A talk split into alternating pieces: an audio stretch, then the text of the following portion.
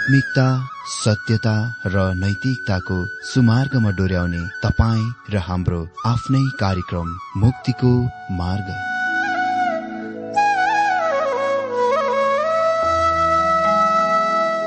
आदरणीय श्रोता यस मुक्तिको मार्ग कार्यक्रममा हार्दिक स्वागत छ। आशा छ यस आत्मिक कार्यक्रमद्वारा जीवनमा आत्मिक आशिष अलौकिक शान्ति र आनन्द प्राप्त गर्नुहुनेछ। र जीवनमा धन्य अनुभव गर्नुहुनेछ। आउनुहोस् श्रोता। मन र आत्माको तयारीको लागि यो मिठो अनि मधुर भजन गीत सुनौ।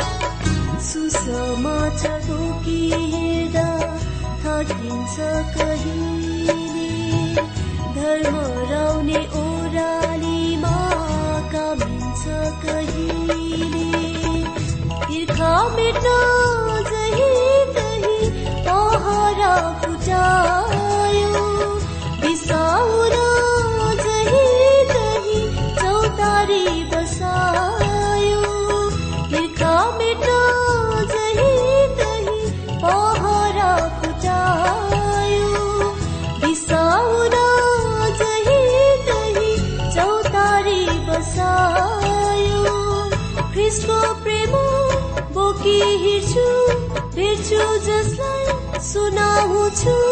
हिकुरो मलाई हेर्न दे।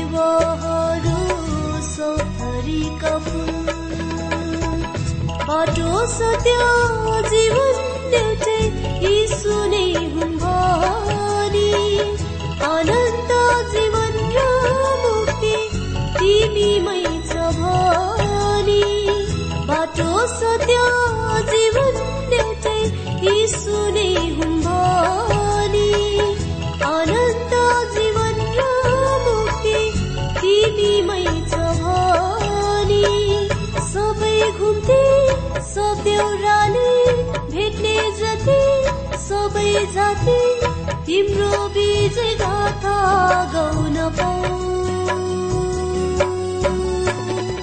क्रुसको शीतल छाया बाँड्न पाऊ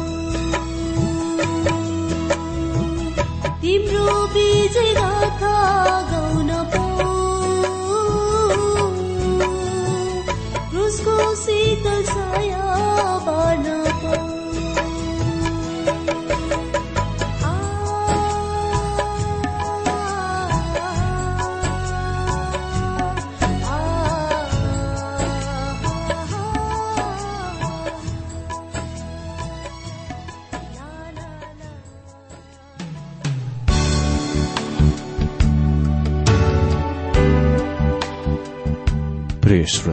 यो प्रसारण मार्फत यो अवगत गराउन चाहन्छौ कि प्रभुको सेवाको लागि यहाँहरूको साझेदारी नित्यन्त आवश्यकता छ।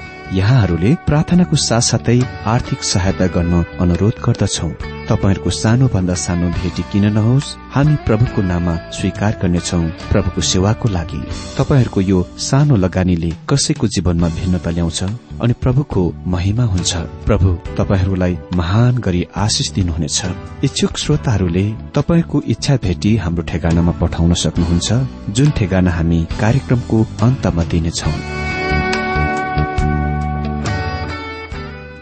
आदरणीय श्रोता मित्र प्रभु येशु ख्रिष्टको मधुर अनि सामर्थ्य नाममा मेरो जयमसी साथै हार्दिक स्वागत छ आजको यो बाइबल अध्ययन कार्यक्रममा। श्रोता आज हामी बाइबल अध्ययन योना एक अध्यय एकदेखि तीन पदबाट अध्ययन गर्न गइरहेका छौं। यहाँ हामी सबभन्दा पहिले देख्नेछौ योनाको बोलावट र उसको अनज्ञाकारिता। आउनुहोस् एक अध्ययको एक पद हेर्दै अगाडि बढौं। परम प्रभुको यो वचन अमितैका छोरा योना कहाँ आयो। योनालाई अतिमयको छोरो र भविष्य वक्ताको रूपमा हामीलाई परिचय गराइएको छ। योना ऐतिहासिक वास्तविक चरित्र थिए। दुई पदमा लेखिएको छ त्यस ठूलो सहर निन्वेमा जा र त्यसको विरूद्धमा प्रचार गर किनभने त्यसको दुष्टै मेरो सामु आएको छ।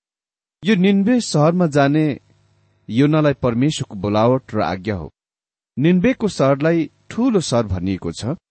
निन्वे असुरी साम्राज्यको राजधानी थियो र टाइग्रिस नदीको किनारमा स्थित सहर थियो। त्यस दिनमा असुरी साम्राज्य विश्वशक्ति थियो। पछिबाट हामी त्यस निन्वे सहरको आकारको विषयसँग व्यवहार गर्नेछौ किनभने यसको यो पुस्तकमा दुईपल्ट जोड़ दिइएको छ। यहाँ वास्तवमा त्यस सहरको दुष्टतामाथि जोड़ दिइएको छ। त्यो ठूलो सहर हो तर दुष्टतामा ठूलो महान। त्यसको दुष्टता अति ठूलो थियो कि यो परमेश्वरको सामुने पुगेको छ।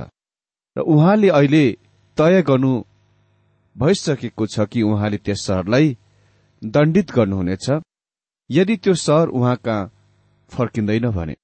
दुई पदमा लेखिएको छ त्यस ठूलो सहर निन्वेमा जा र त्यसको विरूद्धमा प्रचार गर किनभने त्यसको दुष्टै मेरो सामु आएको छ अनि अर्को पद तिनमा लेखिएको छ। तीन पदमा कि योना पश्चिमतिर लाग्दछ। तर योना परमप्रभुबाट भागे र तर्सिसतिर लागे। तिनी तल योप्पा सहर गए र त्यहाँ तिनले तर्सिसमा जाने एउटा जहाज भेटाए। परमप्रभुबाट भाग्न तर्सिस जानलाई जहाजमा भाडा दिएर तिनी चढे। योनाले उत्तरी राज्य इसरायलमा स्थित आफ्नो गाउँ गात हेपरको परमेश्वरबाट यो बोलावट र आज्ञासँग छोड्दछन् र तपाईँ सोच्नुहुँदो हो कि उनी निन्वेको सहरतिर लाग्नेछन्। योना निन्वेतिर जान इस्रायलबाट पूर्वतिर जानु पर्ने थियो। त्यस दिशातिर जानुको सट्टामा उसले अनौठो काम गर्दछन्। उनी योप्पामा जान्छन् र तर्सिसतिर जाने जहाजको टिकट किनेर त्यतातिर लाग्छन्। तार्सिस स्पेनको दक्षिणी सागर तटमा फोनेसियनहरूद्वारा स्थापित गरिएको सहर थियो। यहाँ हाम्रो सामने माछा भित्र योनाको समस्या भन्दा ठूलो समस्या छ। योनाको पुस्तकमा ठूलो समस्या माछा होइन तर योना हो। परमेश्वरले उसलाई निन्वेतिर जान भन्नुहुन्छ तर उसले तार्सिसतिर जाने जहाजको टिकट किन्छन्। परमेश्वरले उसलाई पूर्वतिर जान भन्नुहुन्छ। योना परमेश्वरको आज्ञा पालन नगर्न निर्णय गर्दछ र उनी पश्चिमतिर जान्छन्। प्रश्न स्वाभाविक रूपमा उठ्न सक्छ? किन योनाले त्यो गरे त? त्यहाँ धेरै कारणहरू छन्। पहिलो योनाले निन्वेवासीहरूलाई घृणा गर्थे। र उनी चाहँदैन कि तिनीहरूले उद्धार पाएको। उसको घृणाको लागि आधार छ। असुरी प्राचीन संसारका सबभन्दा क्रूर राष्ट्रमध्ये एक थिए। त्यस दिनमा सबै मानिसहरूद्वारा तिनीहरूलाई अति नै धेरै डराइन्दथे तिनीहरूको बारेमा सुन्दै तिनीहरू डरले काँप्दथे तिनीहरूले यातनाको र यन्त्रणाको अति नै क्रूर निर्दय विधिहरूको प्रयोग गर्थे र तिनीहरूका आफ्नै कैदीहरूबाट अति नै आसनी सरल रूपमा सम्पूर्ण जानकारीहरू हटपूर्वक लिँदथे। तिनीहरूले प्रयोग गर्ने एक विधि यो थियो अति नै तातो मरूभूमिको बालुवामा खाडल खन्थे र आफ्नो कैदी वा बन्दुवाको घाँटीसम्म बालुवाले पुरिदिन्थे। खालि उसको टाउको मात्र बाहिर हुन्थ्यो। त्यसपछि तिनीहरूले त्यसको जिब्रोमा धागोले बाँध्दथे र बाहिर निकाली राख्दथे र त्यहाँ त्यसलाई मरूभूमिको गर्मीले मर्न छोड्दथे अनि अति नै गर्मी सूर्यको तापले उसको शिरमा प्रहार गर्ने थियो। यो भनाइ छ कि यो मानिस मर्नभन्दा पहिले पागल हुँदथे। त्यो नै एक क्रूर विधि हो जुन असुरीहरूले कैदी वा अन्य शत्रुहरूसँग व्यवहार गर्ने गर्दथे। सेनाको रूपमा असुरीहरू असामान्य रूपमा अगाडि बढ्दथे। बाबेलका सेनाहरूले तिनीहरूमाथि विजय हुन सक्ने एक कारण असुरी सेनाहरूको अगाडि बढ्ने आफ्नो मन्दता थियो। तिनीहरूले आफैसँग आफ्ना परिवारहरूलाई लिएर जान्थे र तिनीहरूसँग सेनामा अति नै कम अनुशासित सुव्यवस्था थियो। तिनीहरू अव्यवस्थित झुण्डहरूको रूपमा बढ्थे। तर जब तिनीहरू सहरहरूमा वा गाउँहरूमा सलहहरूका महामारी जस्तै बढ्दथे।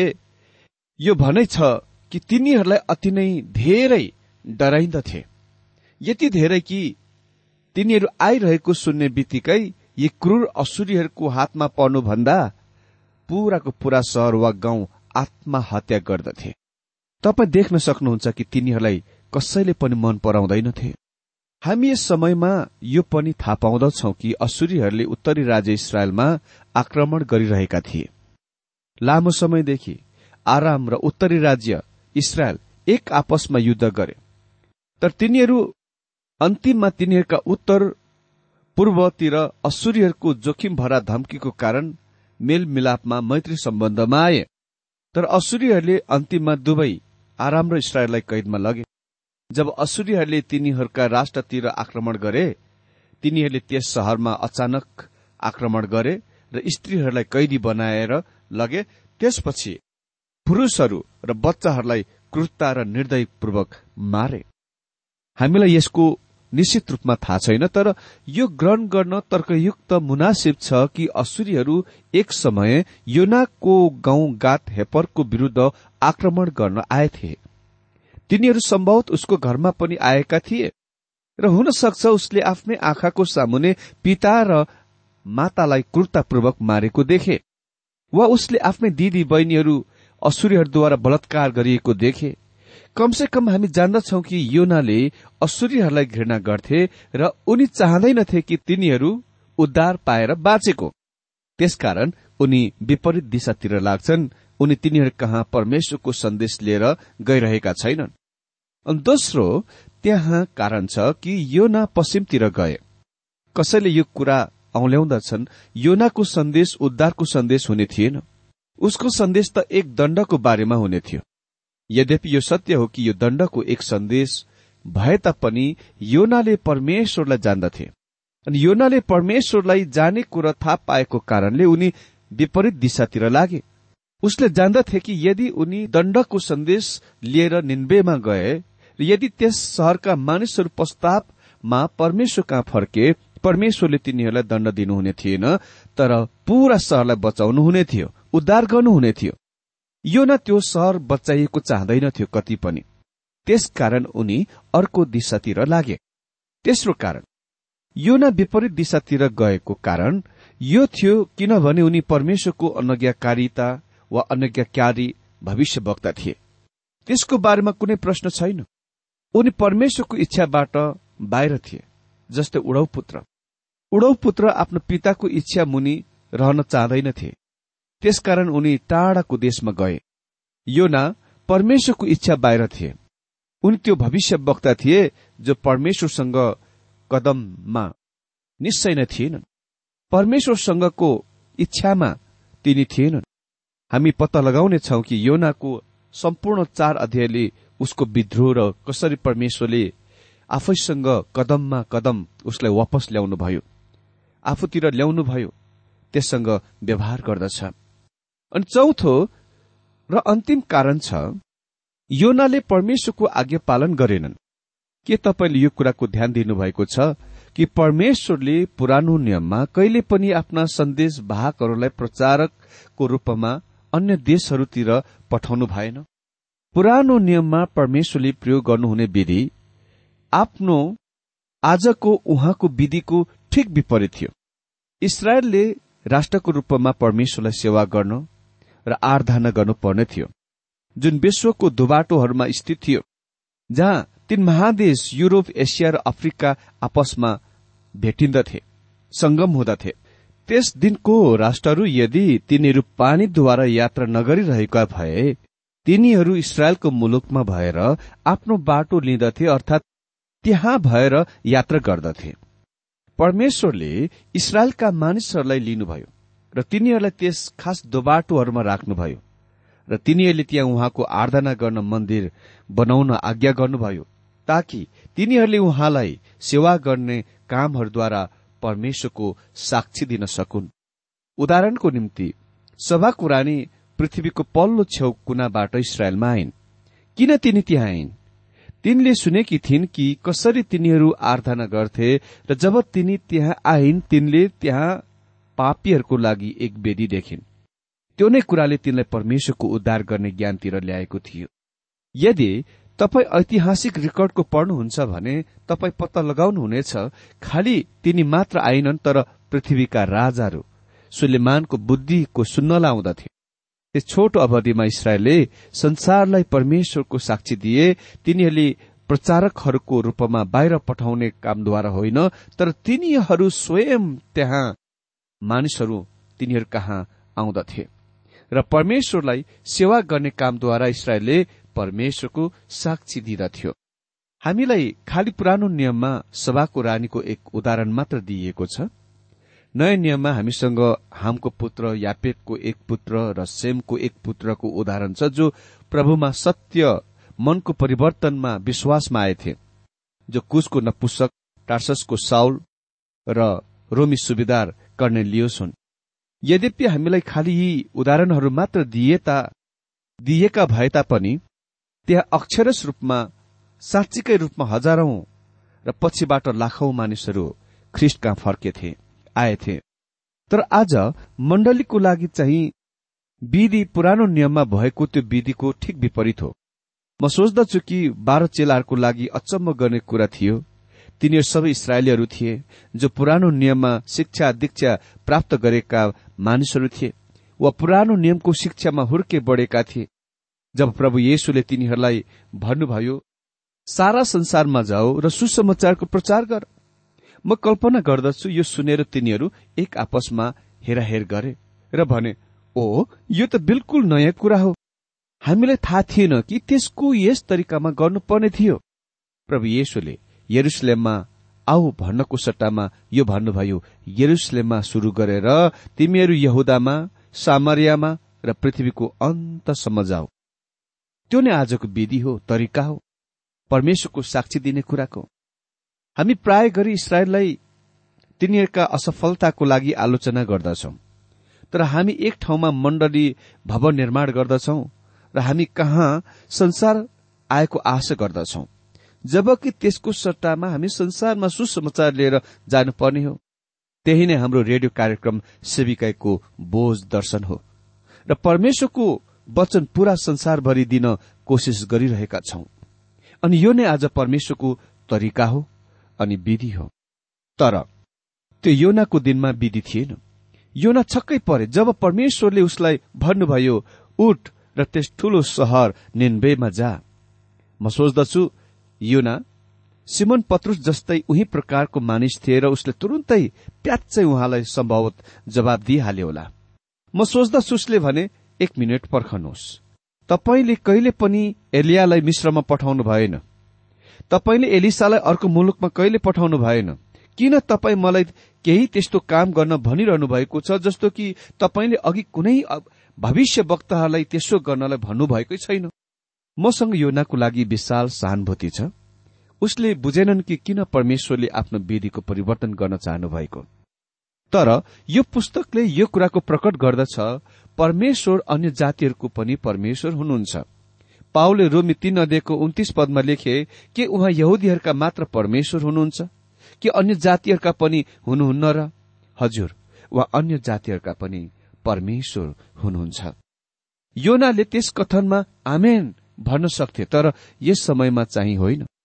तर यस पुस्तकमा उल्लेखित उसको अनुभव पछिबाट उसले महसुस गरे कि परमेश्वर अन्य जातिहरूको पनि परमेश्वर हुनुहुन्छ। भनिएको छ तीन पदमा तर यो न परम प्रभुबाट भागे र तर्सिसतिर लागे। तिनी तल योप्पा सहर गए र त्यहाँ तिनले तर्सिसमा जाने एउटा जहाज भेटाए। परम प्रभुबाट भाग्न तर्सिस जानलाई जहाजमा भाडा दिएर तिनी चढे। योनाको अनुभव तपाईँको निम्ति सहायक हुनेछ मदतगार हुनेछ। यदि तपाईँले पनि कठिनको समय पाइरहनु भएको छ र यो सोच्दै छक्कै परिरहनु भएको छ कि तपाईँ परमेश्वरको इच्छामा हुनुहुन्छ या हुनुहुन्न? यद्यपि म भन्न सक्दिन कि तपाईँ परमेश्वरको इच्छामा हुनुहुन्छ या हुनुहुन्न तर म यो तपाईँलाई भन्न सक्छु तपाईँले कठिनको समय पाइरहनु भएको तथ्य यस कुराको प्रमाण होइन कि तपाईँ परमेश्वरको इच्छाबाट बाहिर हुनुहुन्छ। बरु यो यस कुराको प्रमाण हुन सक्छ कि तपाईँ परमेश्वरको इच्छामा हुनुहुन्छ। यदि तपाईँको जीवन बिल्कुल ठिकठाक छ हरेक कुरा सही तरिकाले चलिरहेको छ अनि यदि त्यो नै कुरा तपाईँ परमेश्वरको इच्छामा हुनुहुन्छ भन्ने कुरामा अर्थ दिनुहुन्छ भने तपाईँ अति नै कमजोर कमजोर लाठीमा लौरोमा अडिस लागिरहनु भएको छ र यसले संकष्टको समयमा तपाईँलाई थाम्ने छैन। आउनुहोस् योनाको नमुनाको निकटबाट हेरौं। यहाँ त्यो मानिस छ जसले परमेश्वरको बोलावटको सुन्दछ र अर्को विपरीत दिशातिर लाग्दछन्। उनी निश्चय नै परमेश्वरको इच्छादेखि बाहिर छन्। उनी योप्पामा गए र जब उनी त्यहाँ जान्छन् उसले कुनै समस्याहरूको भेट्दैनन्। उसले जहाज भेट्दछन् पाउँदछन् र उसले टिकट किन्दछ र उनी जहाजमा चढेर यात्रा गर्दछ र जहाजमा उनी शुद्ध छ हरेक कुरा ठिकठाक चलिरहेको छ। योनाले निश्चय नै यो सोच्यो होला कि म निश्चय नै परमेश्वरको इच्छामा छु। आज कति ख्रिस्टियनहरू त्यस तरिकामा सोच्दछन्। यदि तिनीहरूले कठिनको समय पाइरहेका छन् भने तिनीहरू भन्छन् ओ म परमेश्वरको इच्छाबाट बाहिर रहेछु इच्छादेखि बाहिर रहेछु। यदि हरेक कुरा ठिकठाक छ र सबै कुरा सही तरिकामा चलिरहेको छ भने तिनीहरू भन्छन् ओ म परमेश्वरको इच्छामा हुनै पर्छ वा इच्छामा नै छु होला। मेरो मित्र म एक यो विचार मान्ने व्यक्ति हुँ कि यदि तपाईँले समस्याहरू पाइरहनु भएको छ भने यो हुन सक्छ कि शैतानलाई अलिकति असजिलो भइरहेको हुन्छ किनभने तपाईँ बढ़िरहनु भएको छ वृद्धि भइरहनु भएको छ र परमेश्वरको लागि फलदायक र प्रभावीको प्राप्त गरिरहनु भएको छ प्रभावशालिताको प्राप्त गरिरहनु भएको छ। मैले यो मेरो सेविकाईमा सत्य भएको भेटाएको छु। तपाईँले समस्याहरू पाइरहनु भएको छ यसको मतलब यो होइन कि तपाईँ परमेश्वरको इच्छा बाहिर हुनुहुन्छ। योनाको लागि हरेक कुरा ठिकठाक चलिरहेको छ। यात्रा पनि अति नै आनन्ददायकमा चलिरहेको छ। तर हामी जान्दछौ कि योनालाई परमेश्वरले माछाको पेटभित्र हाल्न गइरहनु भएको छ ताकि उहाँलाई खास लक्ष्यमा पुर्याउन सकियोस्। शताब्दी शताब्दीदेखि दुवै बाइबलमा र बाइबल बाहिरका मानिसले हरेक कुरा आसन ठिकठाकमा भएको भेटाएका छैनन्। तिनीहरूका जीवनहरू कठिनाईहरूले कष्टहरूले भरिएको छ। उदाहरणको निम्ति डेभिड लिभिङस्टनको कथा सुन्नुभएकै होला। त्यस मानिसले वास्तवमा अति नै धेरै दुःख कष्ट भोगे। जब उनी असभ्य जातिहरूका मुलुक अफ्रिकामा प्रचारक भएर गए उसले जीवनको हर पलमा समस्या समस्या भेट्दथे। उसको त्यहाँ अनुभव अति नै कठिनाईको थियो। उसले केही कठिन अनुभवहरू पाएपछि यो भन्न सक्थे मलाई लाग्छ हाम्रो लागि परमेश्वरको इच्छा यही होला। कि यहाँबाट फर्केर घरमा जाउँ वा अर्को जग्गामा जाउँ। अनि विलियम क्यारी जो भारतवर्षमा प्रचारक भएर आए उसको जीवन पनि अति मुस्किल र कठिनको अनुभवले भरिएको कथा छ। तर तिनीहरूले आफ्नो हिम्मत हारेनन्। अनि मित्र परमेश्वर त्यही तरिकामा अगुवाई गर्नुहुन्छ। यी परमेश्वरका महान जनहरूका महान कामहरूको परिणाम स्वरूप प्रभुको ठूलो महिमाको काम भएको छ। हामीले हिब्रूको पुस्तकमा एघार अध्यय छत्तीसदेखि अडतिसमा पढ्न सक्छौ कि परमेश्वरका जनहरूले आफ्नो विश्वासको खातिर अति नै धेरै दुःख कष्ट र यातना भोगे। हामी पढ्छौं कोही विश्वासद्वारा तरवारद्वारा उम्के बचे तर अरूहरू चाहिँ विश्वासद्वारा तरवारले मारिए। त्यसकारण तपाईँ सधैँ यसरी अर्थ दिन सक्नुहुन्न। असल परिस्थितिहरू परमेश्वरको इच्छा हो र कठिनको परिस्थितिहरू चाहिँ परमेश्वरको इच्छा अन्तर्गत होइन। अह। जब योना अहिले जहाजमा चढे र जहाज चल्यो म कल्पना गर्दछु उसले सोचे होला समुद्रका छालहरू समुद्रको दृश्य हेरेर भने होला ओ कति आनन्दको यात्रा। तर हामी पत्ता लगाउँछौ कि उसले त्यति आनन्दको यात्रा पाउन गइरहेको छैन। त्यति आनन्दमय समय पाउन गइरहेका छैनन्। अर्को दिनमा हामी देख्नेछौ एक्कासी समुद्रमा अति नै ठूलो बतास र आधी तुफान चल्दछ। अनि यो न संकष्टमा पर्नेछ। मनको तयारीमा प्रार्थनाको साथ अर्को दिनमा यो कार्यक्रम अध्ययनमा आउनुहोला। प्रभु तपाईँ सबैलाई धेरै धेरै आशिष दिनुभएको होस्।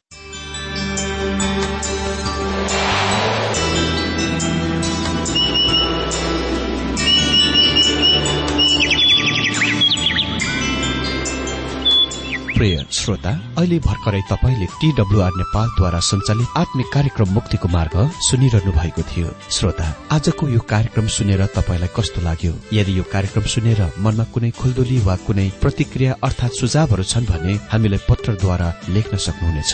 हामी हृदयदेखि नै स्वागत गर्नेछौ स्वीकार गर्नेछौ साथै बाइबल सम्बन्धित प्रचारहरू कार्यक्रम सारणीहरू हामी अनुरोधमा पठाउन सक्छौ। अनि तपाईँसँग कुनै प्रार्थनाको विषय छन् भने हामीले तपाईँको लागि प्रार्थना गरेको चाहनुहुन्छ। भने प्रभुमा आफ्नै परिवार सम्झेर हामीलाई पत्रमा लेख्न सक्नुहुनेछ। तपाईँको लागि हामी प्रभु येशुसँग प्रार्थना गर्नेछौ। अधिक जानकारी र पत्रचारको लागि हाम्रो ठेगाना यस प्रकार छ।